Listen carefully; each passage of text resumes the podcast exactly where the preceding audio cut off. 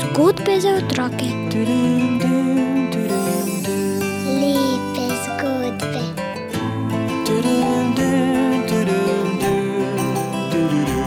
Bere nam jih Juri Sešar. Prav lepo pozdravljeni, dragi prijatelji našega podcasta, prijatelji pravljic zgodb. Danes prihaja italijanska ljudska pravljica o tetki Befani. Tetka Befana, jo poznate? No, zdaj le jo boste spoznali. Tetka Befana je pometala po kuhinji. Švist, švist je metla pela po tleh. Tetka Befana je tako natančno pometla, da ni bilo nikjer niti najmanjše smetke. Potem je šla v izbo. Švist, švist in že se je izba svetila od čistoče. Pometla je tudi stopnice pred hišo in potko od ceste do vrat. Švist, švist je metla šumela tudi zunaj, na zadnje se je vrnila v hišo. Še to in ono bo treba pomesti kaj? Kajti tetka Befana je imela pometanje silno rada. To je bilo edino, kar je z veseljem počela. Sicer pa je bila malce čemerna stara gospa. Tok, tok, jo je nekega jutra vznemirilo trkanje. "E, Kaj, kaj, kaj pa je zdaj to? je mrmrala in hitela odpirati. Pred vrati so stali trije visoki, utrujeni možje. Vso noč smo potovali, je rekel prvi bradati. Šli smo za zvezdo, je pokimal drugi, temnopolti. Radi bi se malo odpočili, je rekel tretji belolasi. Tetka Befana si jih je ogledala, bili so lepo oblečeni, na ogrinjalih so imeli drage kamne okrog vratu, verižice. Pomislila je, hm, to so najbrž bogati trgovci, kralji ali učenjaki. Čisto nič niso podobni razbojnikom, lahko jim zaupam. Povabila jih je v čisto pometeno hiško. Pokazala jim je, kje je spalnica, in ko je čez nekaj minut pokukala vanjo, so vsi trije že sladko spali, malce tudi smrčali. Tetka Befana se je vrnila k pometanju. Švist, švist je pometla kuhinjo, švist, švist je šla čez dnevno sobo do stopnic in po potki do ceste. Jo, odkot neki so prišli? Kam gredo? Za kakšno zvezdo so šli? se je spraševala v zdan. Proti večeru so se trije možje zbudili, vsi čili in spočiti. Tetka Befana jim je postregla štruklji in jih vse to vprašala.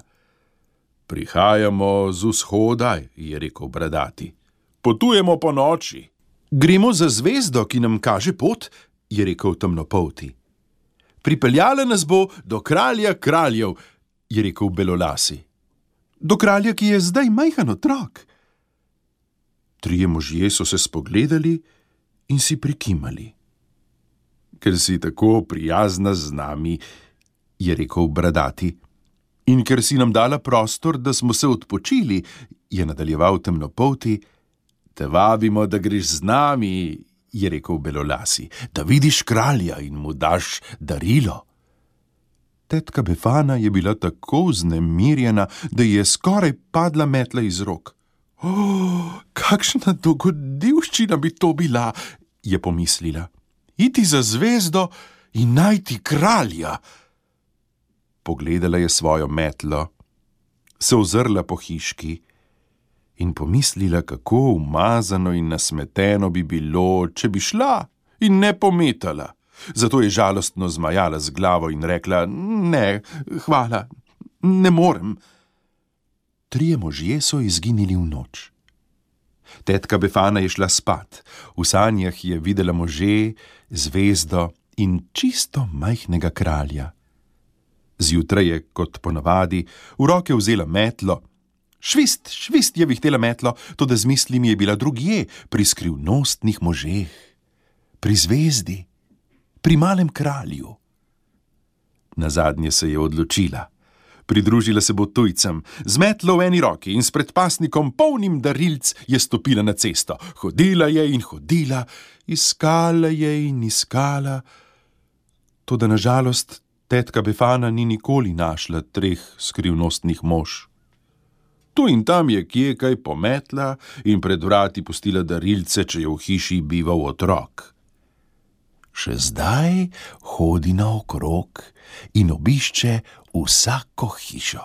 Mhm. Kjer najde otroka, mu pusti drobno darilo. Seveda se ne more nikoli zanesljivo vedeti, kateri od otrok je kralj kraljev. Tako italijanska ljudska pravljica. In tetka Befana res prinaša darila. Ja, na svete tri kralje, v Italiji, pa še kje drugje. Sveti trije kralji prinašajo darila, vem tudi v Južni Ameriki ponekod. Drobno darilce svetih treh kraljev pa je lahko tudi zgodba, ki ste jo slišali. Hvala, ker ste ji prisluhnili. Nova pride prav k malu.